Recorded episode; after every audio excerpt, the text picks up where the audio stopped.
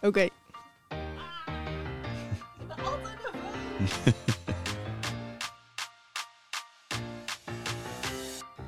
Deze man tegenover mij is volgens mij veelzijdig in zijn kunnen. En uh, op dit moment is hij hoofdredacteur van podcastuitgever Dag en Nacht Media.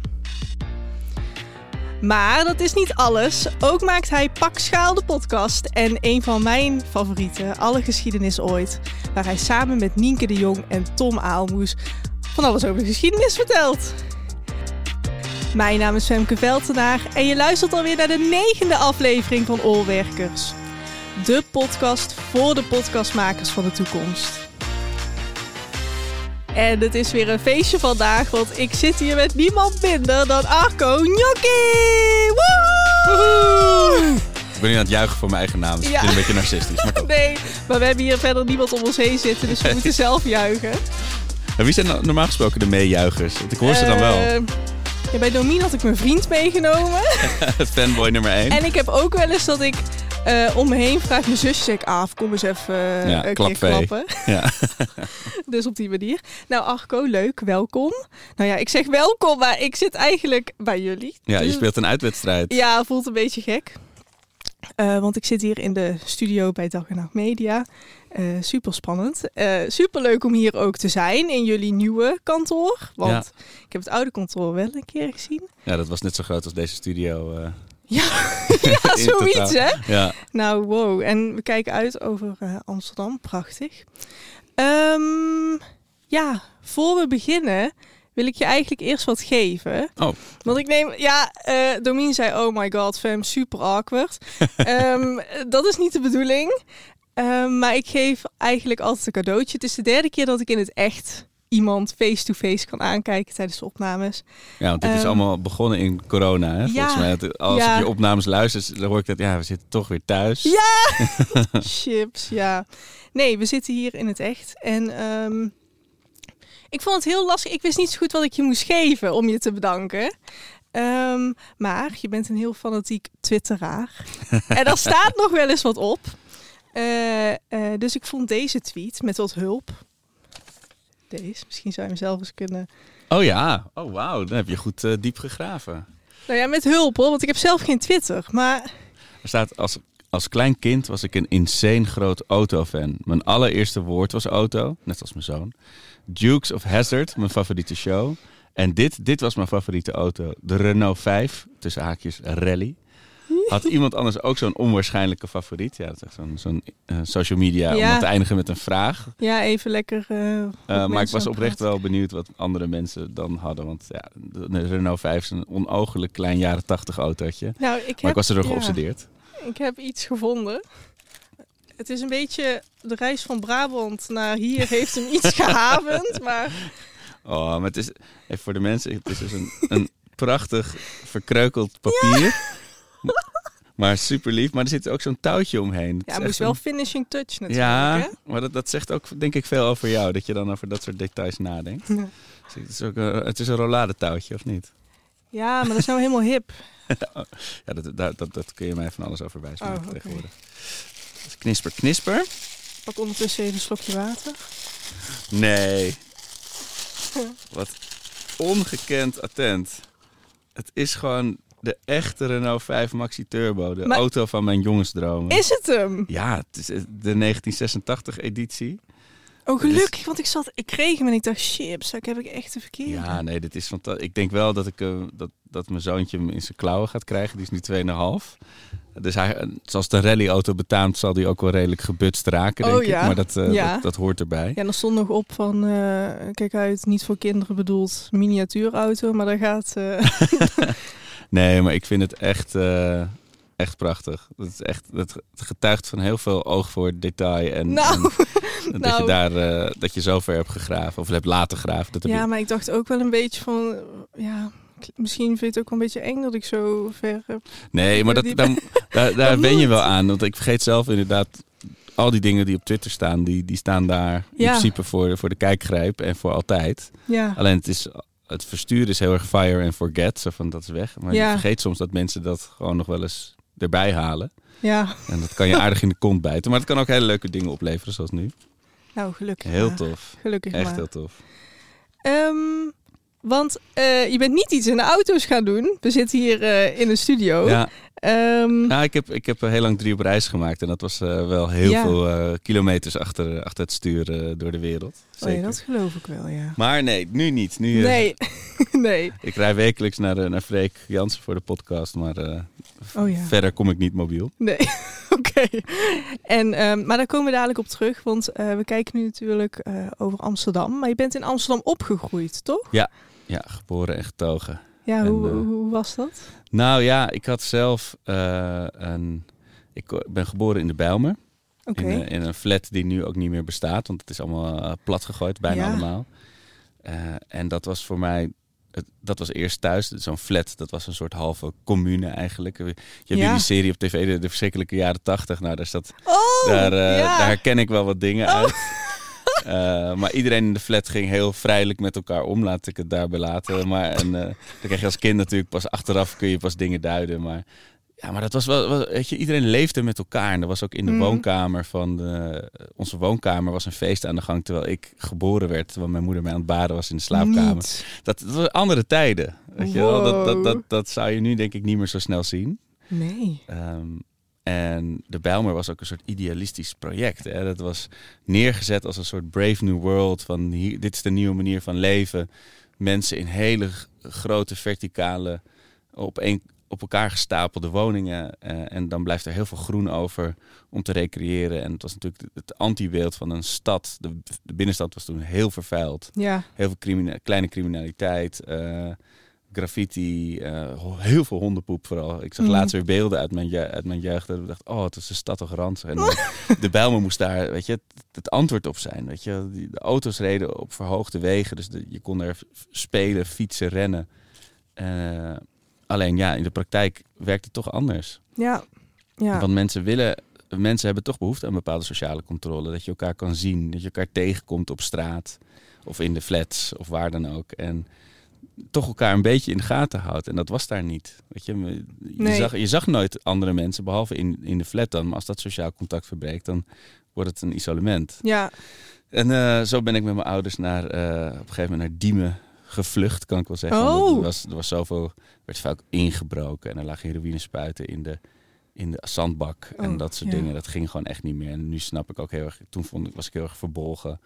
Want ik vond Diemen verschrikkelijker. En ik werd op school gepest dat ik in, een, in Diemen woonde in plaats van Niet. Amsterdam. Dan ben je al een boer en eh, dan woon je in, eh in de Phoenixwijk. Dus dat, daar ben je op die leeftijd heel gevoelig voor. ja, dat geloof ik wel. Maar nu snap ik heel erg goed natuurlijk waarom ouders, nu ik zelf al kinderen heb, waarom je dat als ouder doet. Dat Ja. je weg, zo snel mogelijk weg moet uit de gevaarlijke situatie. Maar goed, de, voor de rest, behalve dus dat ik mijn puberteit in Diemen heb doorgebracht, altijd heel erg Amsterdammer geweest. En ik de hele wereld rondgereisd, maar altijd teruggekomen hier. En ik hou ook echt zielsveel van de stad en alle herinneringen die ik eraan heb. Alleen inmiddels ben ik wel eh, tot het inzicht gekomen dat hoeveel andere plekken er ook heel mooi zijn. En dat Amsterdam niet per se de mooiste plek ter wereld is. Alleen voor mij, omdat ik er vandaan kom. Dat is Nou. wat anders dan objectief de- dat het de mooiste plek is. Dus ik ben niet, ik maak heel veel grapjes over, maar ik ben niet zo'n verstokte Amsterdammer die eh, eh, neerkijkt op alles wat er buiten de ring gebeurt. Nee, oké. Nee, oké. Ja, maar ik hoor mensen als ik zeg van... Ik kom uit Eindhoven, dan zeggen ze... Oh, Eindhoven, gek of eh, domme boeren. Ja. En ook heel vaak, wat een lelijke stad. Oh En- ja. Maar Eindhoven is ook niet mooi. Nou ja, het Philipsdorp en een straat tussen Ja. eind en zo, dat is echt wel tof. Om Eind. of de eh, Strijp S bedoel ik. Strijp S. Eind. Ja, nee, dat is wel Oh, dat weet, oh ja. Nee, ehm, ja, maar het gaat er toch om waar, waar voel jij je thuis. Dus dan verder maakt dat volgens mij niet veel verschil. Nee, Nee. Het is gewoon op een gegeven moment heb je op elke straathoek een herinnering. ja, je, en exact. Dat, daar ja. leef je in. Ja, En dat Ja. maakt niet zo als je, als je er maar gewoon genoeg rek. Wat zou, wil jij in Eindhoven ook blijven? ja, dat weet ik niet. Nu ik ga afstuderen, merk ik dat ik overal waar ik kijk, denk ja, ik moet de Randstad. Ik moet naar de Randstad Gewoon toe. voor je werk, voor Ja. je toekomstige werk. Ja, Ik denk wel dat het iets minder wordt. Wat je heel erg in Engeland of Groot-Brittannië ziet, is dat heel veel media, ook BBC en zo, die zijn heel erg uit Londen gegaan, omdat het onbetaalbaar werd, ook Oh, voor bedrijven. ja. Die zijn naar Manchester gegaan en, en, en Liverpool, die regio. En daar is nu een heel nieuw medialandschap ontstaan. Ik denk dat als het in Nederland en in Amsterdam zo doorgaat met de kosten, dat dat ook hier gaat gebeuren Ja. of kan gebeuren. Ja, dat kan inderdaad wel zo zijn. ja. Is het natuurlijk net wat anders, omdat je Hilversum nog als, als Ja. zwaartepunt hebt, zwaartekrachtpunt voor media. Maar ja, Ja. Ja, ja, klopt. Ja. ja, maar ik denk dat bijvoorbeeld het podcastlandschap, dat zit wel hier. Ja, ik had wel verwacht dat dat met zo'n nieuwe start, dat dat dan heel erg in, ik noem maar wat, Rotterdam of zo, gecentreerd zou kunnen zijn. Oh ja. Uh, maar als je kijkt naar, naar wie er podcast luisteren, dat, dat, naar, de- naar het succes van Gijs Groenteman en Teun van de Keuken. En, oh eh, ja, ja. En Sander Schimmelpenninck. Ja, Ja. Dat, dat zit allemaal wel ferm binnen de ring, zoals het dan heet. eh, ja, voor, ja. voor nu. Maar goed, dat is. Dat is denk ik het begin van eh, de podcast Olievlek. Ja. Ik denk dat er veel toegankelijkere podcasts gaan komen voor een veel breder publiek. En ook ver buiten de ring, om het zo Hmm. maar weer te noemen. Ja, maar mijn omgeving, bijna iedereen luistert podcasts. Maar ik denk dat ook een, een generatie dingetje is. Maar goed, hè? Eh, ja, Noem je me nou oud? nee, nee. Nee, maar Arco, jouw generatie luistert ook podcast. Dat hopen we wel, want dat is ook, zijn ook wel de mensen die, eh, in wie de adverteerders geïnteresseerd zijn. Ja, Maar ik, ja, dat, dat, de- ik denk dat vooral de generatie boven mij qua leeftijd, dat daar nog ook wel een wereld te winnen is. ja dat denk Dus ik ook. 50 plus, laat ik het zo noemen. Ja, Eh, die beginnen nu die paarse knop van, van de iTunes, Ja, van de, van de ja. Apple eh, knop beginnen ze te vinden. Dus dat is het begin. ja, Ehm, alleen ja, zij hebben relatief wat vaker tijd om gewoon rustig voor de tv te gaan zitten. ja. Ehm, en wat ik nog steeds wel merk, maar dan heb je het echt wel over 60 plus. Mensen zijn zo gewend om uitgesfeerd te krijgen. Weet je, wat er, gewoon lineair. Dus wat er op tv of, of op de radio is, dat Ja. consumeren ze. ja. En dat hele concept van streaming of een podcast, van je gaat zoeken waar je op dat moment zin in Ja. hebt. Ja, dat duurt denk ik even voordat mensen daar ook tijd en zin voor gaan maken om, om zich daaraan eh, te, aan te ja, passen. Ja. Het is echt in de tv, even plat gezegd, in de tv-gids kijken en opschrijven van, hé, hey, op zaterdagavond Ja. komt... eh Nou ja, de- En mijn, mijn vader doet dat en daar heb ik weer Ja. baat bij, want ik heb geen tv-gids eh, meer. Oh, Eh, en die stuurt mij dan van, nou, volgende week om half elf komt er op NPO 2 een geschiedenisdocumentaire. Nou, Nou, perfect. Dat is gewoon mijn curator, lief. weet je wel. nou. Ja, daar moet ik het dan van hebben. Ja, ja, en de jonge generatie, tenminste, dat heb ik zelf ook. Zul je misschien ook wel hebben als je onderweg bent of je zit in de trein of ik als ik aan het koken ben. Nou, ik zet een podcast Precies, op. Ja, ja. ja, ja. Eh, wacht, we komen hier dadelijk. Ja. Ehm, Ik ben mentaal nog steeds bij de Renault 5 hoor. oh, dat is goed. dat is Voor mij kan het gesprek niet meer stuk. nou, nou. Ehm, eh, even kijken, want je hebt eh, eh, uiteindelijk ben je communicatie en mediastudies gaan doen aan de Universiteit van Amsterdam. Ja, ik Eh. wilde eigenlijk naar de school voor journalistiek in Utrecht. Niet. Eh, ja, ik wilde eigenlijk journalist worden eerst, hè, de, de laatste jaren van mijn middelbare schooltijd. Oh, En toen op het laatste moment, toen, toen we wilden gaan inschrijven voor dingen, ja. dacht ik, ja, ik heb wel VWO gedaan. En ik dacht, oh, ik was naar open dagen geweest van, van de school voor journalistiek, maar ook van de UvA en paar andere eh, instanties. En toen had ik wel het idee dat het universitaire manier van opleiden beter bij me zou passen. Ja, Dus iets minder klassikaal, iets meer ruimte voor eigen inzicht. En ik begon ook te twijfelen of ik nou wel echt journalist wilde worden. oh ja. Eerst wilde ik zelfs oorlogsjournalist worden. Maar dat, Oh. is, dat is ook een bepaald type moet je daarvoor zijn. En dat, dat was ik wel tot de conclusie gekomen dat, dat ik misschien niet was. Ehm, en eh, dus ik twijfelde heel erg over die journalistieke kant. En ik dacht, dat, die kan ik altijd nog wel op met een master journalistiek, bijvoorbeeld aan de UvA. Ja, ja, Ehm, maar laat ik me dan nu breder oriënteren. ja. Slim. Ja, ja slim. Het was, het- ik, ik vond communicatiewetenschap wel heel breed. Ja, Ehm, en ik had op een gegeven moment ook wel door dat ik de, de PR... Ik, het eerste jaar was fantastisch. Dan doe je internationale betrekkingen, politicologie, oh ja. psychologie. Ach, het is een soort verzameljaar was het. Ehm, maar het duurde heel lang voordat ik daardoor zelf een beetje wist wat ik wilde. En achteraf gezien had ik gewoon geschiedenis moeten gaan studeren. Maar Ja, daar, heb ik- daar heb ik nu ja. een podcast over gemaakt. Omdat, want dat Nienke, de andere maker, en Tom hebben dat dus ook. Van ja, gemiste kans. En dat kunnen we nu alsnog botvieren door het heel erg over geschiedenis te gaan hebben. Ja, maar eh, Tom heeft toch wel Ja. iets met geschiedenis gedaan? Of ben ik nou gek? Ja, cultuur, filosofie of cultuurgeschiedenis. In ieder geval, hij, Ja, zit het, hij is het dichtstbij gekomen. ja, ja. oké. Maar, eh, maar dat, ik, ik, kijk, ik, heb, ik kom niet uit een familie waarin het, ik ben de eerste die naar de universiteit is gegaan. Mhm. Dus ik wist ook helemaal niet hoe dat werkte. Van hoe, hoe je een studie kiest. Of, Oh nee. weet je, ik, ik dacht wel van het moet wel een soort beroepsopleiding zijn. Maar toen kwam ik pas veel later achter dat als je eh, journalist bent of nou, welk beroep dan ook. Die mensen hadden ook gewoon geschiedenis of filosofie gestudeerd. Ja. Of rechten of psychologie. Dat hoeft niet per se een één op één link te zijn met je uiteindelijke beroepskeuze. Nee, nee. Maar dat, dat, dat concept stond zo ver van me af. Ja, ja, dat snap ik wel. Ja, ik hoor ook wel eens vaak. Of dat mensen denken, ja, is eigenlijk ook wel een domme studiekeuze, journalistiek. Want je kunt ook gewoon ergens eh, heel veel kennis vergaren en dan journalist, journalist worden. Ja, Ehm, maar dan is het natuurlijk wel, als je wel echt het vermoeden hebt dat je die kant op gaat.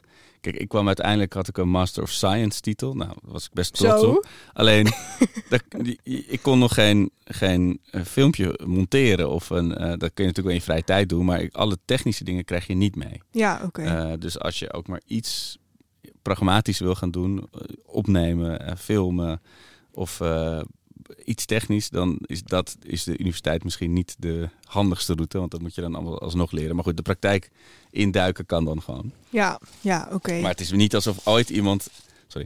het is niet alsof ooit iemand in mijn beroep mijn eh, universiteitsdiploma heeft gevraagd of zo. En het is ook nooit dat ik er een euro meer om heb verdiend. Het was gewoon die, Nee? die studiestijd staat echt op zich als een hele interessante avontuurlijke periode. ik moest heel veel bijleren over het leven. Ik voelde mezelf echt wereldvreemd tussen Oh. al die andere studenten. Ja, Eh, ik, ja, wat ik zeg, een jongen uit, uit Amsterdam, uit de Bijlmer. En ja, al die mensen die vonden het zo vanzelfsprekend dat ze daar gingen studeren. ja. Eh, en die hadden als gemeenschappelijke factor dat ze naar, naar Amsterdam gingen en die stad gingen ontdekken. Oh, ja. En, ik, eh, en toen nog keek ik daar een beetje op neer. Van ja, al die, al die ja. mensen van buiten. En, eh, ja, we, zullen we straks naar dat plein met al die duiven? Dat je, waar, heb je? Ja, de Dam. De Dam. Je bedoelt gewoon de Dam. Maar goed, weet je, het was uiteindelijk voor hen veel leuker. Want zij konden een hele nieuwe wereld ontdekken. En ik zat juist tussen mijn oude vrienden en mijn nieuwe vrienden in. Dat werd juist een beetje, eh, een Oh, beetje ja. scheef. Oké. En ehm, eh, je tijd op de universiteit zelf, hoe, hoe was die tijd voor je? Ja, eh, lastig. Het, ik, kwam, ik kwam met hele goede cijfers van de middelbare school. En op de middelbare school had ik ijzeren zelfdiscipline. Ik had echt altijd goed leren voor mijn tentamens. Of nee, dat heet dan nog een... eh, een, ja, een toets. een- ja, ja. ja. ehm, en dus dat ging heel goed. En toen kwam ik de universiteit en daar kan het niemand wat schelen of jij het goed doet. Je doet het voor jezelf. Ja. Je wordt niet gecontroleerd. Nee. En die vrijheid dacht ik dat mij heel erg zou helpen. Maar dat, dat, dat vrijblijvende vond ik juist heel moeilijk. Om dan, dus die zelfdiscipline kelderde. Eh, en het duur, eh, toen ik eenmaal door had welke kant ik op ging, ik ben toen heel erg. Ik dacht eerst dat ik heel erg wilde afstuderen op het gebied van gaming. Dus ik heb ook een Oh. onderzoek daarna gedaan. En dat vond ik allemaal machtig interessant. Ja, en toen ging het ook alweer goed met mijn studie. Eh, en toen ben ik uiteindelijk toch de tv, de film- en tv-wetenschap, dus media en cultuur opgegaan. Omdat ik er heel laat achter kwam dat ik in, toen nog tv wilde werken. Ehm, en toen heb ik bij AT5, de lokale zender, stage gelopen. En toen dacht ik, ja, dit is fantastisch. Dit, dit, dit is wat ik wil. Alleen toen moest ik nog die scriptie schrijven. Oh. En dan weer Ja. terug de theorie in. Dus na, eh, ik had die stage verlengd. Dus ik was een jaar echt gewoon in het werkende leven geweest. In Ja. het veld, zeg Oh maar. ja. En allemaal toffe dingen maken. En toen moest ik nog eh, echt weer de, de, de universiteitsbibliotheek in en theorie schrijven. Ja, dat ging bijna niet. Dus daar heb ik veel te lang over gedaan. Ja, want je hebt zes jaar gestudeerd, las Ja, ik. ja. Ja.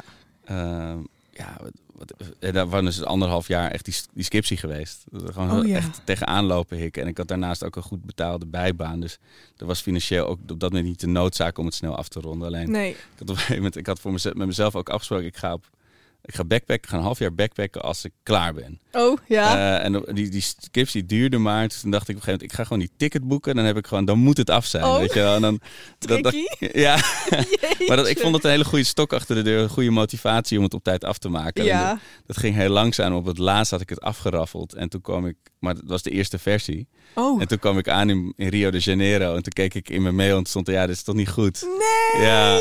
Ja, en toen ging ik niet in dat half jaar nog even ergens in een internetcafé dat kunnen fixen. Oh my god. ja, ja, dat was niet helemaal handig. Oh shit. Dus je, Ja. moest, je ging een half jaar op reis en toen wist Vijf je... ik- maanden, ja.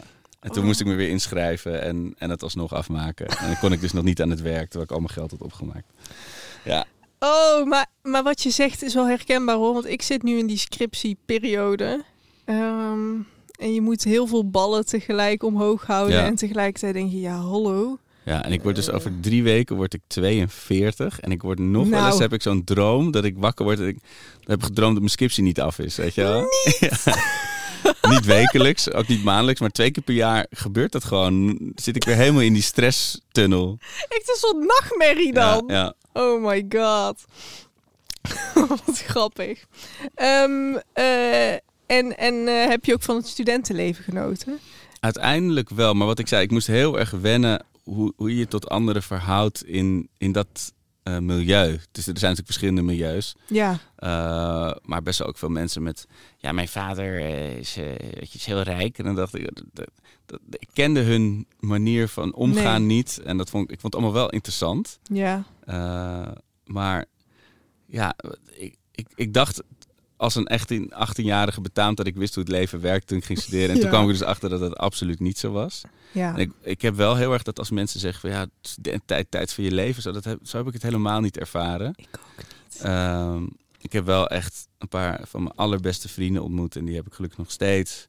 Oh, ja. Eh, heel erg eh, liefde gekend, eh, ook in die tijd. Dus dat alles, alles zit er ook in. En nog naar New York geweest met mijn studie. En het was allemaal prachtig. Maar het was vooral, merk ik, vanuit mijn kant veel onzekerheid en mezelf opnieuw uitvinden. En dat- ja. als ik dan mensen ook wel eens spreek van die tijd, zeggen ja, het was alsof je.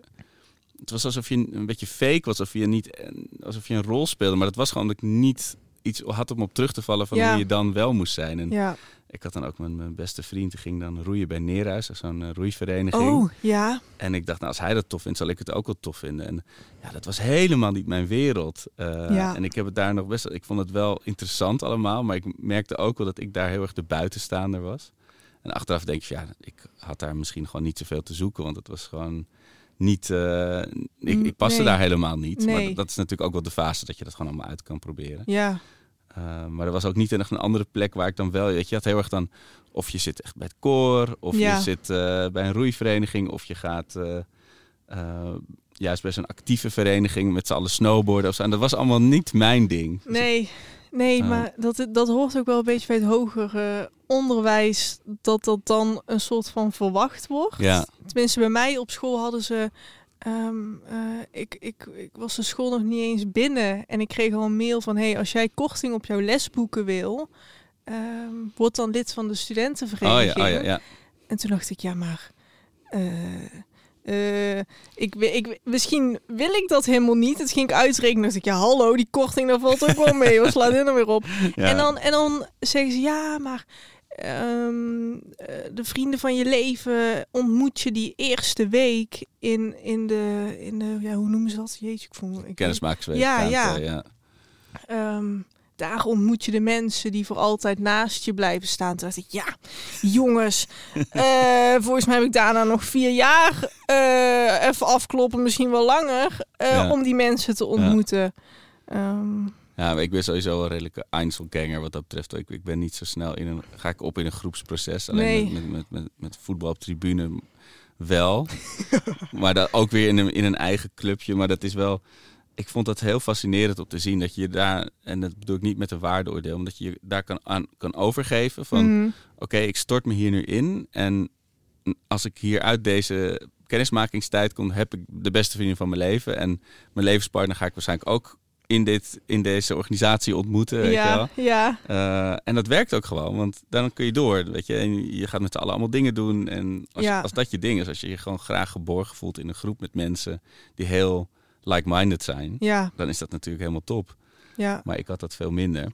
Dus dat, dat aspect viel, mee, af, viel af. Maar en, en het, de wereld werd ook heel, heel wit eigenlijk. Ik kom uit Amsterdam en ja. middelbare school was, was mensen met van allerlei afkomsten en, en gezinssamenstellingen, eh, cultureel eh, afkomst.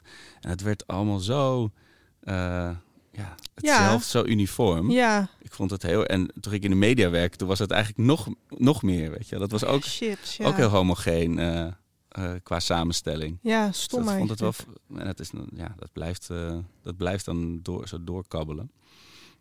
Maar uiteindelijk, het, het- weet je, de, de vrijheid die de studententijd biedt, vond ik heel interessant. En ook wel de, ik heb dan wel het hoofdredacteurschap van het studieblad, het medium binnen communicatiewetenschap gedaan. Dat vond ik heel leuk. Oh, Toen eh, de mini-hoofdredacteurtje, zeg maar. nou, Kreeg je ook studiepunten voor, dus dat was Oh, fantastisch. tof.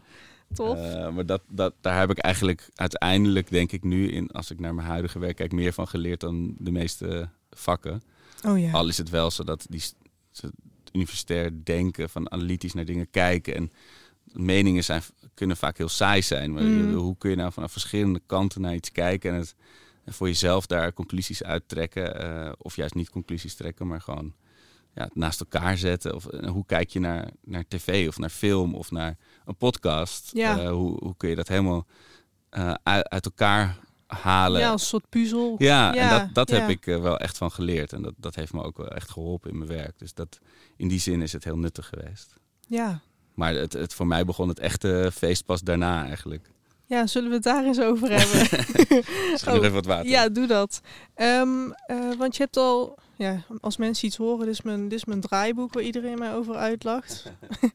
Ehm, eh, want je bent de, de ja, dat he- heet nu de BNN Vara Academy. Ja, was dat toen? klopt. Ja, Dat was toen heette dat nog Summer School, BNN Summer Oh. School. Dus dat was gewoon een zomertraject. ja.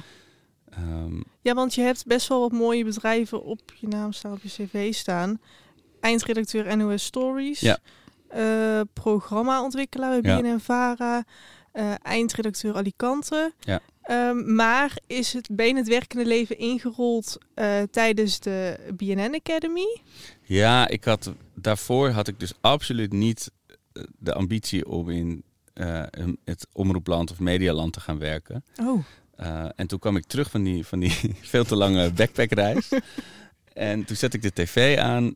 En toen was uh, eerst spuiten, nee, eerst Try Before You Die op tv. En Oh, daarna spuiten ja? en slikken. En dat was eigenlijk ontstaan in de periode dat ik weg was. En toen dacht ik, wat is dit? maar dit is fantastisch. Dit, weet je, en Ja. ik kreeg een soort jaloezie. Van, maar dit wil ik ook. Of dit kan ik ook. Hier moet, hier moet ik op een of andere manier bij zijn. Hier moet ik op een of andere manier deel van uitmaken. Alleen, ik had nul connecties in de tv-wereld. Eh, dus waar begin je dan? En daar specifiek dan wat nu BNNVARA Academy heet. Voor mensen niet met een afstand tot de arbeidsmarkt per se, maar wel met een afstand tot het medialandschap. Ja. Weet je? En, maar die wel een soort brandende ambitie in zich voelen om maker te worden. En dat was toen heette het toen nog Summer School. En dat was, nu is het geloof ik echt, ben je negen maanden onder de pannen of zo. Of ja, best wel een zes maanden. traject, maar ja. toen was het gewoon eh, dus de zomervakantie. Oh ja. Ja, en dat was fantastisch. En, ehm, dus dat heb ik toen gedaan. Alleen toen moest ik dus wel nog steeds die studie afmaken. Oh, oh my Dus anders had ik misschien wel meteen kunnen blijven in, in, in de vorm van een contract. Maar, dat, eh, Oh. maar toen heb ik dus de, de, de, de mensen die ik toen heb ontmoet, die hebben me later, toen heb ik ze later nog wel benaderd van goh, eh, als je een keer wat bij BNN tegenkomt, ja, laat me weten. En toen heb ik in, eh, in- een keer een koffie gedronken. Toen kon ik de volgende week beginnen. Oh. En eh, dat, dat, dat was zeg maar eh, op, op, op vrijdag en op dinsdag. Ja, eh, de eerste, de eerste dag, werkdag was dinsdag. En toen zei ze, ja, we zoeken nog een, een woning, een, een, een, iemand zijn huis om in te filmen. Want het was een programma met Katje Schuurman. Oh. En er moet een scène in een huiskamer worden gedraaid. Ik, ja, je bent net nieuw, dus je dacht, ik, eh, dat kan wel bij mij. En toen stond op dinsdag stonden we, eh, stond Katje Schuurman in mijn douche. en stonden daar Oh. alles te filmen. Dat je denkt, oké, dit is een prima eerste werkdag. Oké, oké, oké. Ja, en, ja, en toen ben ik daar, wat is het, twaalf jaar gebleven of zo, in allerlei Ja. hoedanigheden. Ja, En je kon zeggen dat Katja Schuurman in je douche, in je Ja. douche had gestaan. dat was echt een echt uitstekend begin van mijn, Ja, van mijn werkende leven daar. Ja, dat geloof ik. En wat heb je precies eh, moeten doen bij die BNN-Vara Academy, een sum- summer school? Ja, dat was toen nog heel breed van, oké, welke eh, richting oriënteer je? Je had volgens mij redactie, productie, regie, presentatie. Oh, ja. En de presentatie was meer dat je dat allemaal rouleerde. Dat vond ik toen wel ook heel leuk. Maar ja, ook toen al zag je dat mensen die echt willen presenteren, zeker bij tv, ja, dan, dan moet je dat er constant mee bezig zijn om dat uit te dragen Ja. en dat te ownen, zeg maar. Ja. En daar was ik dan weer ook iets te bescheiden voor of niet goed genoeg. Het is maar net hoe je het bekijkt. Want eh, als iets me door de jaren heen heeft geleerd, is dat achter de, voor de camera staan, dan ga ik ook een soort rol spelen, een versie van mezelf. En dat, dat komt onnatuurlijk over. Dus dat, Ja. die conclusie moet je op een gegeven moment gewoon trekken.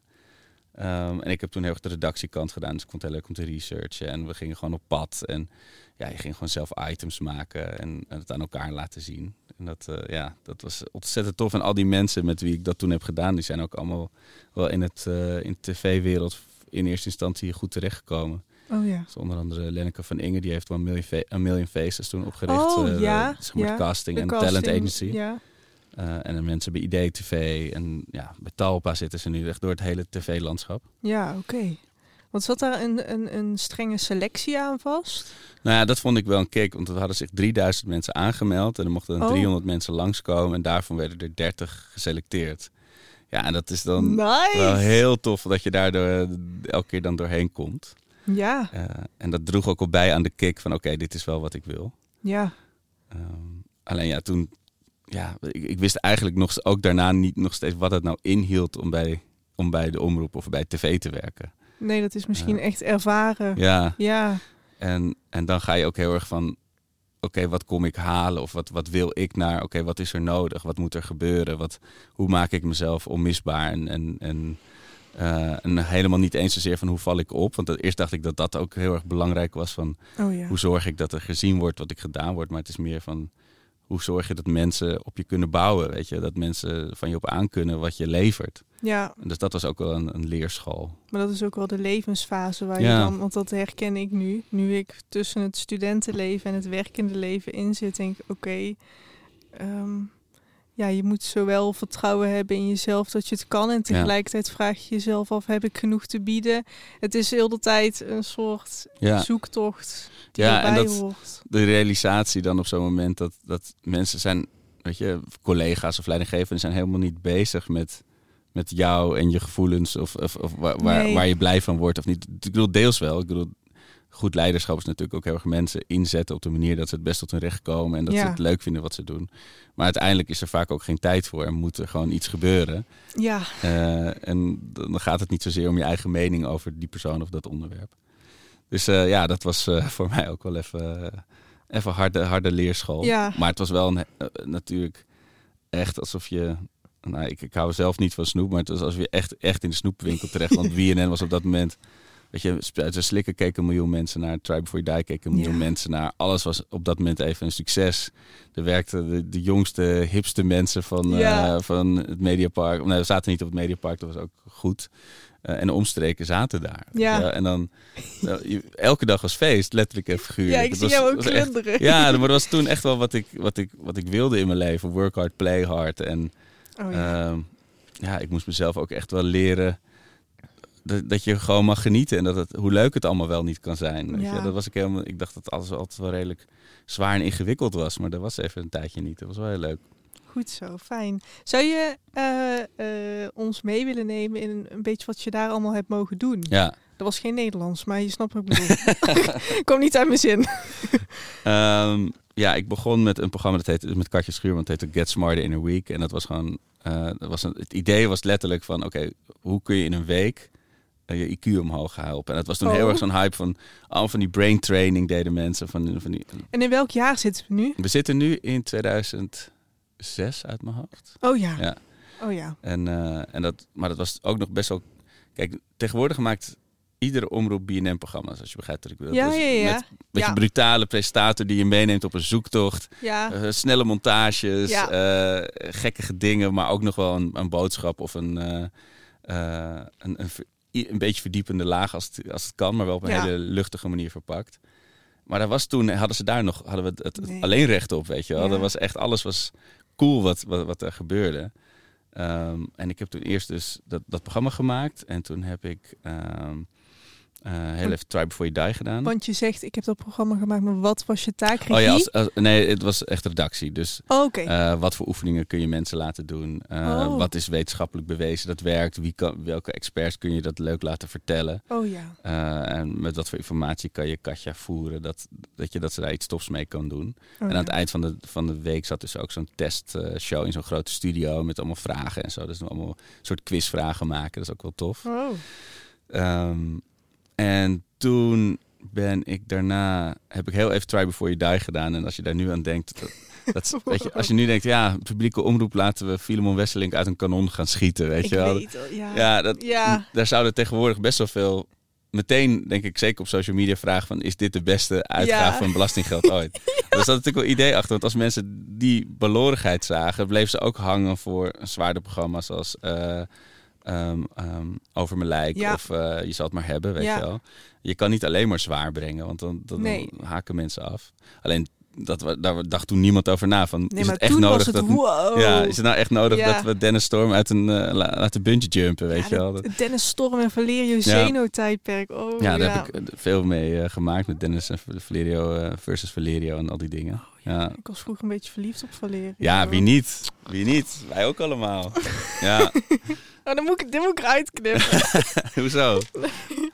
ja, oké. met Ja. ja. En eh spuiten en slikken, ook redactiedingen voor gedaan en backstage video's maken. En eh, eh, bijna een soort van porno dingen geregisseerd. Ook dat Ja, je denkt van, ja. wat doe ik hier? Wat ben ik, waar ben ik beland? doen? Maar ik, ga, ik vind dat zelf, van wat doe ik hier? Waar ben ik in beland? Vind, heb ik heel lang een heel fijn, fijne em- gemoedstoestand gevonden. Zeg maar. dat, dat, dat, dat, zor- dat zorgde ervoor dat ik me eh, le- heel levend voelde, zeg maar. Oké. Eh, en als je dan ook nog, en dat is denk ik ook als er dan nog een miljoen mensen ook nog naar kijken. En weet je, van die heel veel mensen die ik nu spreek, die het spuiten slikken ben jij denk ik misschien alweer iets te jong voor alweer dat het toen het echt op zijn hoogtepunt was. Ja, ja. Eh, maar dat, af van die mensen die dan nu zeggen, ja, dat keek dan stiekem op mijn ja kamertje ja, ja. met het geluid uit, ja, weet je wel. En, die, die, en dan leerden mensen er stiekem ook nog allemaal best wel nuttige dingen over seks en drugs. Van dat vond ik echt heel tof. Ja. Dat je dan die rol speelt in mensen hun leven. Ehm, en toen ben ik dus heel lang drie op reis gaan doen. Dus mee op reis en dus de voorbereiding doen. En ja, eh, Kijk even om mijn draaiboek. Jij hebt een redactie gedaan, toch? ja. Ja, maar dat was dan echt wel, eh, ja, je was een soort Zwitser zakmes. Want op reis ben je van alles. Er zit soms ook, moet je ook filmen of produceren of eh, Oh. gewoon chauffeur zijn. eh. Oh ja, oh ja. Dus van alles. De dromen van Afrika. Hallo, ik ben Aafke, het zusje van Femke en vandaag ga ik weer een gekke droom vertellen. Ik droomde dat ik thuis voor school een teamles zat. En op het einde van de les ging iedereen de online les uit. En toen bleek het dat mijn docent dacht dat zijn camera uitstond. En toen begon hij opeens zichzelf om te kleden en stond hij in zijn blootje. Alleen er zaten nog een paar mensen in de les. Alleen ja, gelukkig was het dan maar een droom, want niemand eh, wilde dat zien. Ja, wat ik zeg, ik woon al mijn hele leven in Amsterdam. En dus ik kom hier altijd heel graag terug. Maar de, wel altijd overal heen gevlogen. En ik had ook toen ik ging backpacken en zo, al vanaf kinds af aan heel erg de ambitie gehad om de hele wereld te zien.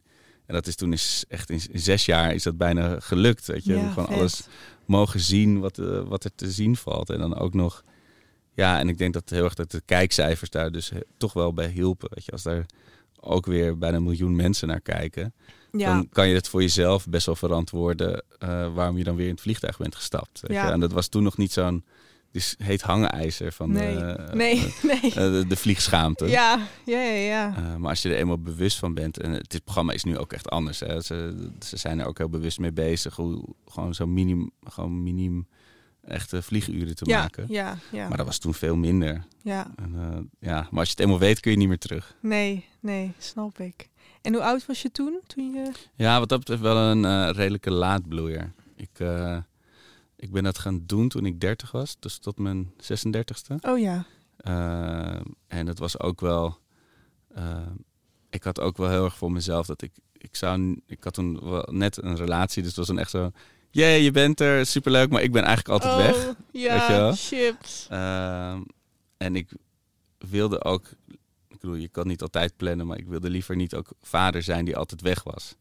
Met Dus, je eh, huidige vriend. ja, ja, ja. ja. Dus ehm, ja, en dus relatief oud ook wel vader geworden. Ja. Eh, en ik ken ook wel veel cameramensen en zo die daar gewoon een manier in hebben gevonden. Maar ik wilde dat niet. Dat gewoon de hele Nee. tijd alles missen of er niet, niet kunnen helpen of niet kunnen zijn. Nee. Eh, maar daardoor wel een heel, ja, heel bevredigend gevoel. Zo van, ik heb eerst al die reizen mogen maken en toen dat ook echt af kunnen sluiten. En, en er volledig hier zijn voor, voor uiteindelijk mijn gezin. Ja, mooi. Ja. Ja. Je zei net ook toen we binnenkwamen van nou, we hebben een uur, want ik ga daarna de kinderen ophalen. ja. mooi. Mooi toch? Hoe, hoe lang zijn we aan het opnemen? Al een tijdje. 40 gaat, heel ja. snel. Ja. Ehm, ik ga de, de pot met vragen Oh ja. er even bij pakken, want anders vergeet ik ze. De glazen. Iedereen die een vraag heeft ingezonden, heel erg bedankt. Alsjeblieft, geef maar jou. Een vraag inzenden kan via Instagram, Oorwerkers de podcast. Alles aan elkaar? Ja. Ja, we doen er eentje, want anders Oh. dan... Oh, staat er geen naam bij? Nee. Nee, sorry. Oh. Staat als je in een tijdvak van de geschiedenis zou mogen leven, welk tijdvak zou dat dan zijn? Oh ja. Oh. Ja, dat heeft natuurlijk ook met je, met je podcast alle geschiedenis. Ja. Oh, spannend. ja, het, ik. Eh, maar dat, ja, dat- dan zou ik willen weten, is dat dan dat ik daar echt. Dat, is- dat een enkele reis? Weet je wel? Ben ik dan weg? Mag ik nog terug? Of, eh, nou, dat- dan mag jij invullen. Ja. ja. Ja, ik, ik, ik ben zelf qua geschiedenis echt het meest gefascineerd in de, in de 20e eeuw. Dus de Koude Oorlog, Oh eh, ja. Eerste Tweede Wereldoorlog, daartussen, de interbellum. Het, ge- dat heeft gewoon van oorsprong mijn meeste fascinatie. Maar ja, ik- eh, zoals de vraag hier staat, ik zou niet die tijd willen leven. Nee. Weet je? Ik vind het juist leuk om daar van een afstandje naar te kijken. Eh, ja, kijk, het liefst zou ik, ik zou wel zeker even bij. Ik, ik- sinds de podcast zijn begonnen, hebben we opeens veel afleveringen ook over de, over de Romeinen. Ja. En daar weet ik persoonlijk niks van. Ik denk dat ik in mijn middelbare schooltijd gewoon niet genoeg getriggerd ben in de, wat voor vette verhalen er allemaal in zitten. Had ik ook. Ja. Ja. Ja. Maar ja, ik zou wel dolgraag eh, Asterix en Obelix stijl daar een beetje rondlopen. ja, dat zeker. Want ik weet er gewoon zoveel, niet zoveel van. Ja. Ik vind het wel heel fascinerend. Oké. Dus ik leuk. ga toch voor de Romeinen. Oké, leuk. leuk. Arcos Gnocchis. ja. Zullen we nog één vraag doen? Ja. Ik zie hier eentje met... Oh ja, diegene wilde anoniem blijven. Want die, Heel goed. Als Arco moet kiezen, zou hij dan nooit meer alle geschiedenis ooit maken of nooit meer pak schaal? Oh, Oh my god. Ja, wat een Oh. vraag. Jeetje. Dat is ook wel een hele gemene. Ja. Ja. Jeetje. Oh, dat is echt alsof je, alsof je moet kiezen tussen mijn zoon en mijn dochter. Dat Ja. kan niet? Ja, ik heb pak schaal was er eerst. En dat, dat, dat Oei, is... oei, oei, oei. eh, ja. Ik, ik- weet je, en dat, is, dat heeft me ook zoveel gebracht. Zo'n, zo- om opeens te gaan podcasten. En dat mensen daar ook naar gingen luisteren en aan het luisteren zijn. Eh, dus daar, daar kan ik voorlopig nog... Dat voelt, dat voelt ook heel persoonlijk. Ik, ik denk dat... eh, voor nu, hè? Ik, Ja, bedoel, ja, ik ja. denk dat Nienke en Tom het ook prima zonder mij zouden kunnen nog. Nou. Eh, Freek kan het vast ook zonder mij. Maar dat, dat voelt veel meer als een soort hobby en, en, en een liefdewerk oud papierproject dan, dan alleszins uit. Maar nee, ik ga, ik bedoel, ik ga zeker niet kiezen. Ik Nee, bedoel, ik ga nee, zeker nee. allebei nog blijven doen. Ja. Maar wel in die volgorde, ja. Ja. En Ja. is het podcast maken ook bij Pak Schaal begonnen? Ja, zeker. Ja. Ik, eh, ik had nog nooit iets in audio gedaan.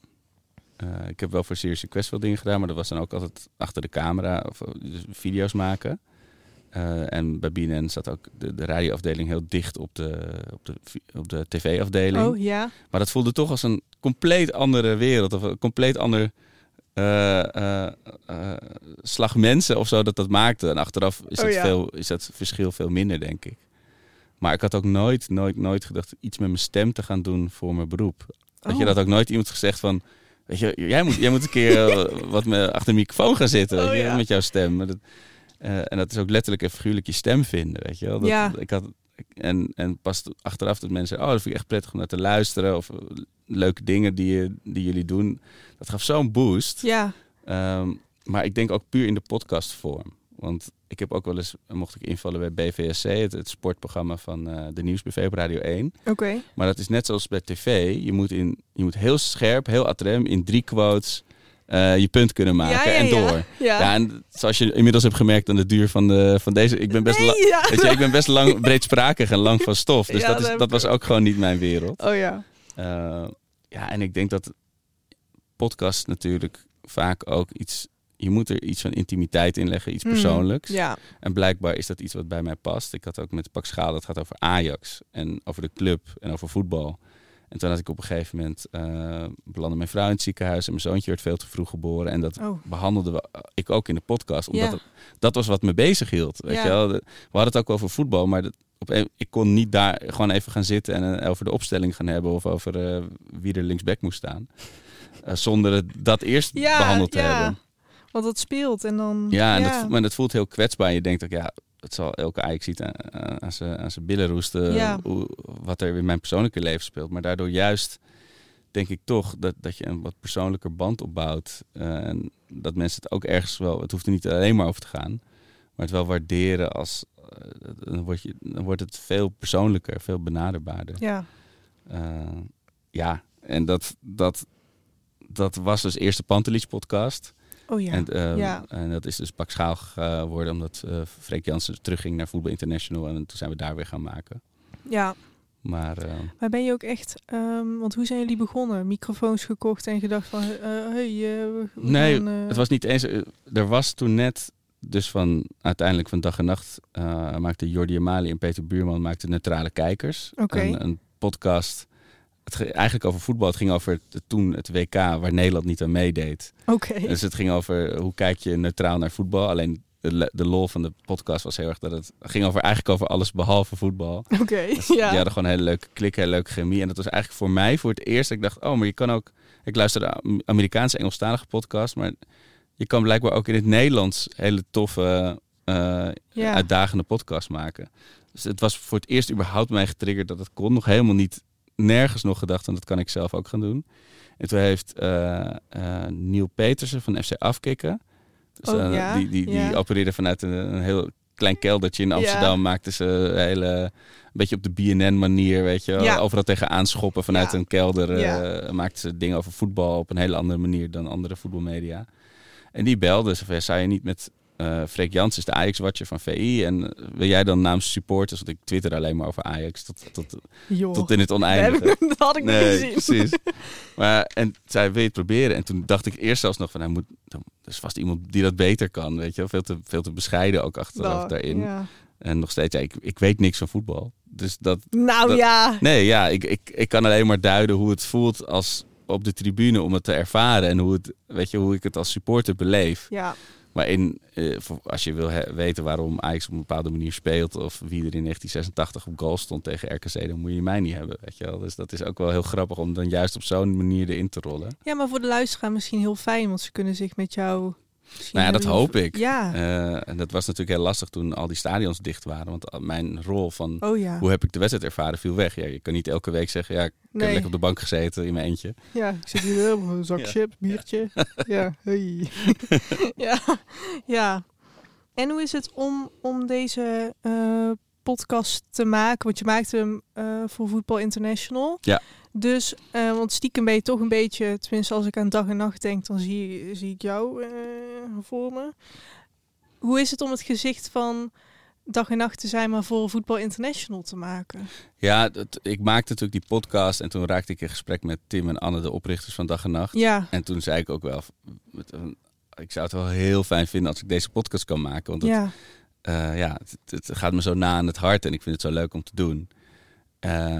Alleen toen was het wel zo van, ja, het is wel een beetje gek als de hoofdredacteur van het bedrijf ergens anders een podcast maakt. Ja. Omdat, eh, weet je, mijn hele... Ik heb natuurlijk heel veel ontmoetingen met mensen waarbij ik zeg van, wil je niet bij onze podcast komen maken? En als je dan zegt Ja. van, ja, maar waarom doe je het dan zelf niet? ja, Uh, dus daar moest even een mouw aan gepast worden. En we hebben nu een samenwerkingsovereenkomst met, met het moederbedrijf van Voetbal International. Uh, dus wij verkopen advertenties voor de podcasts uh, van VI. Oh, dus ja. in die zin maak ik de podcast nu ook in ter meerdere glorie en de winst van dag en nacht. Dus ik kan het nu ook gewoon in mijn, in mijn werktijd doen. ja, ja, oké. Ja. ja, Dus dat is uh, al heel fijn. Dat, Ja. ik, uh, dat ik het Ja. gewoon uh, niet onder, weet je, op een suffe manier ergens weggestopt in de avonduren hoef te doen. Maar Nee. het gewoon in werktijd kan doen. nee. Dus daar ben ik heel blij mee dat daar een combi in is gevonden. Want anders was het wel lastig geweest. Ja, precies. Ja. Even nog verder over de podcast. Want werk jij eh, mee aan alle podcasts die hier binnen deze muren... Nou ja, niet binnen deze muren, maar die hier worden gemaakt. Wat, hè? Ehm, Nou, er waren natuurlijk al heel veel titels, heel veel podcasts voordat ik kwam. ja, Die al heel lang liepen. ja, Uh, en die ook door de makers zijn bedacht of, of uitgewerkt, weet je wel. Dus en, ja, de, ik heb ook niet de illusie dat ik op al die mensen, op al die podcasts wat aan te merken heb waarvan de makers zoiets hebben van ja, kijk, daar kunnen we wat mee, ja, weet je wel. Afko thanks, Ja. hè? Ja, blij mee. Juist tegenovergestelde. Oh, ja. weet je, mensen, mensen zijn geen, kun je niet programmeren. Je kan niet zeggen, oké, als je nog iets meer dit doet of iets meer dat, Ja. dan dit. Want zo werken mensen gewoon niet. Nee, Ehm, maar ik ben wel specifiek ook aangenomen om nieuwe podcasts te bedenken of op te zetten. En dan nog is het mensenwerk, want de mensen die uiteindelijk het gaan doen, moeten daar hun eigen podcast van maken. Weet Ja. je? En ik kan daar wel een heel idee hebben van hoe het moet gaan klinken, of wat de tone of voice moet zijn, of eh, waar het heen moet met, met zo'n podcast. Maar uiteindelijk moet je wel het vertrouwen hebben dat mensen dat gewoon zelf het beste kunnen gaan doen. Ja, ja. Eh, alleen dus, ja, we hebben nu zo'n twaalf podcasts die we echt hebben opgezet sinds ik hier ben. Mhm. En de meeste daarvan ja, zit wel een deel van mijn idee in. Maar dan nog ja. eh, is het, ja, is, is je invloed heel beperkt. Laat Er zit een afko-sausje overheen, maar Ja, niet... of, ja. of misschien een Arco saté-prikkertje of ja, een eh, ja, ja, Arco vleugje zout. ja. Maar eh, Een snufje afko, ja. Oké. Ehm, en is eh, Alle Geschiedenis ooit een van die podcasts die je nu... eh, van de Nou, twaalf? het was wel, ja zeker. En het was, Ja. kijk, maar toen ik hier binnenkwam, ik had gewoon gezegd, ook in die onderhandelingen met, met Tim en Anne van Dag en Ja. Nacht, van wat er ook gaat gebeuren, ik wil een geschiedenispodcast gaan maken. Weet Oh, je wel? ja, En ja. op dat moment dacht ik nog, oh god, dat wordt het hobbyprojectje van de hoofdredacteur. Er luisteren max duizend mensen per week naar. Maar toen zeiden zij meteen van, oh, maar dat is mooi, want eh, wij willen dat al zo lang. En Mhm. Nienke de Jong, die, eh, die dus aan ons verbonden is, ook met Ik Ken Iemand Die, die eh, loopt ook al heel lang met een idee rond voor een geschiedenispodcast. Zijn we een pilot gaan maken en we, er miste nog iets. En toen zaten we in het oude pand, is heel klein, zaten we aan de keukentafel. Ja. En toen zeiden Nienke, ik zei, ja, maar wie, weet je, wie moet, het nou, wie moet ons nou gaan helpen met de redactiewerk? En toen sprong Tom op, ik, ik ga. Ja, ja, hij bleek echt nog grotere geschiedenisfanaat dan wij bij elkaar. Oh, sorry, Oh, mijn papier oh ja. is heel... eh, mijn... Krakerig. Ja. Nee, Tom bleek een nog grotere geschiedenis eh, eh, liefhebber dan wij te zijn. Maar dat, dat moet je hebben, weet je. En je kan gewoon niet, dat is wel ook mijn les van de afgelopen jaar. Als iemand niet zijn ziel en zaligheid erin wil steken, dan werkt het niet als podcast. En daarom vind Nee. ik het ook zoveel romantischer nog dan, dan tv maken. Waar gewoon mensen, weet je, bij elkaar worden gecast. En een format uit Engeland wordt gekocht en go. Ja. En dat Ja. werkt gewoon niet in podcastland. Weet je, Nee. je moet mensen hebben die, die het ook zouden doen om drie uur s'nachts met het licht uit. Als er, weet je, als er niemand zou luisteren. Ja, Eh, dat, dat, dat hoor je als luisteraar. En dat wil je ook uitstralen. ja. Eh, wat niet betekent dat het allemaal liefdewerk uit papier hoeft te zijn. Verre van. Maar dat ook al heb je zo. Ik denk dat je de mensen die in eerste instantie denken: ja, geschiedenis, ik heb er niet zoveel mee. Maar als je Mhm. dan hoort hoe, met hoeveel plezier we het zitten te maken, dan, dan trekt het misschien toch weer een paar extra mensen over de streep. ja. Ja, precies. Ja, en dat is ook. Het is in die zin heel oprecht. Want als ik dit. Het, als je diep in mijn hart kijkt, dan zou ik gewoon het, het liefst de hele week ook alle geschiedenis uit en dan pak schaal. Maar zou ik gewoon alleen maar ook op Vriend van de Show met al die mensen in discussie gaan Ja. over geschiedenisonderwerpen. Ja. Ik had dat nog niet. Weet je, ik had niet een soort hoekje waarin ik met mensen over geschiedenis kon nerden. Dat bestond Nee. gewoon niet in mijn leven. En ik, ik had wel bijvoorbeeld met drie op reis, als we dan op reis waren, ging ik, oh, en hier is dat gebeurd. En, en dit deed Hitler hier. En dat mensen zeggen, ja, oké, Arco, maar Ja, top, Arco. Nu gaan we- hebben we het wel weer gehoord. En nou, voor, voor, voor Marije en mevrouw is het soms wel helemaal niet te doen als we ergens zijn. Al die verhalen, weet je wel. No. Vrienden zijn het na al die jaren ook wel een beetje zat. En nu, nu kun je het gewoon onderling weer gewoon... Ja, Het is een safe space voor geschiedenisnerds. Ja. ja, mooi. Mooi. Eh, ik zie dat de tijd dringt. Mag ik je een laatste vraag stellen? Uiteraard. Eh, daar eindig ik altijd mee. Ehm, ja, wat zou jij de makers van de toekomst mee willen geven? Ja, ik zal, ik zal het vermijden om heel erg in te- tegeltjes uit te gaan wijden nu. Nou. Ehm, ik denk wel dat het heel erg je, je, ergens in specialiseren vanuit je eigen fascinatie. En of dat nou iets is als dat je gewoon een unieke life skill hebt. Weet je, of het nou Russisch praten is of eh, insane goed kunnen monteren. Of eh, ja, heel erg geschiedenisnerd zijn. Of ja, Oeigoers kunnen zingen. Ik weet het niet, maar in ieder geval Nee, dat je... ja, ja, ja. En, maar niet het hebben om het hebben. Dus niet iets zoeken daarbij van... Oké, ik moet iets unieks hebben. Maar het, het, het, is, het loont zo om je daar... Weet je, om dat met je mee te nemen. En je daarin te blijven ontwikkelen. Ja, Eh, iets wat je echt eh, uniek maakt. Eh, en het is niet altijd een match. Ik bedoel, als je dan een sollicitatie hebt ergens. zegt, Oh, ik kan trouwens vloeiend Armeens. Dus ja, Ja. superleuk. Maar top. het is niet dat je Ja. er altijd dat je dat kan vermarkten of zo. Maar ik denk dat het heel goed is om iets heel eigens te hebben. Eh, ik ken ook een goede vriend van mij, Koen Maas, die heeft eh, de perfecte podcast en die gaat over Suske en Wiske. Oh. En dat is, eh, weet je, hij heeft altijd heel erg een Suske en Wiske fascinatie gehad, maar hij is nu een beetje de, de Nederlandse kenner, de kenner van Suske en Wiskes geworden. Omdat hij gewoon dat, helemaal, dat hele domein heeft geclaimd. En die Ja. podcast zit ook zo goed in elkaar. En ik heb met voor alle geschiedenis ooit bijvoorbeeld daar ook heel veel van geleerd. Van hoe hij dat op social media brengt. En, en Oh, ja. hoe je die verhalen brengt. En dan is het eigenlijk al niet meer relevant of ik van Su- Suske en Wiske hou of niet. Weet je, hij, Nee, nee, nee. eh, hij, er komt gewoon, er spat zoveel liefde voor het onderwerp vanaf. Ja, ja. Mooi. Dus eigenlijk je passie volgen. Ja, maar dat, dan wordt het zo plat, weet Ja, je wel. Het is weer... Ja, oké. geen durf, te staan voor, durf te staan voor je eigen fascinaties. Ja. Weet je wel? En, Ja. en, eh, niet weird zijn om het weird zijn, maar gewoon als, weet je, Ja, ja. als je hele vette foto's kan maken van Shetland ponies, dan is dat gewoon je ding en dan moet je dat ownen. ja, vet. Oké, ik denk dat we hiermee afsluiten. Arco, mag ik je heel erg bedanken. ja, fijn dat je helemaal hierheen kwam. Ja, Eh. nou, nou fijn. Jij heel erg bedankt dat je de tijd hebt genomen om met mij te praten. En eh, natuurlijk helemaal eh, homies for life met de Renault 5 race auto. Yes. bedankt, Arco. Ja, je hebt zojuist geluisterd naar alweer de negende aflevering van Oorwerkers. En eh, ik wil voor deze aflevering Aafke, dag en nacht, maar natuurlijk vooral Arco heel erg bedanken. En jou natuurlijk ook voor het luisteren. Hopelijk ben je er de volgende keer gewoon weer bij. Tot dan!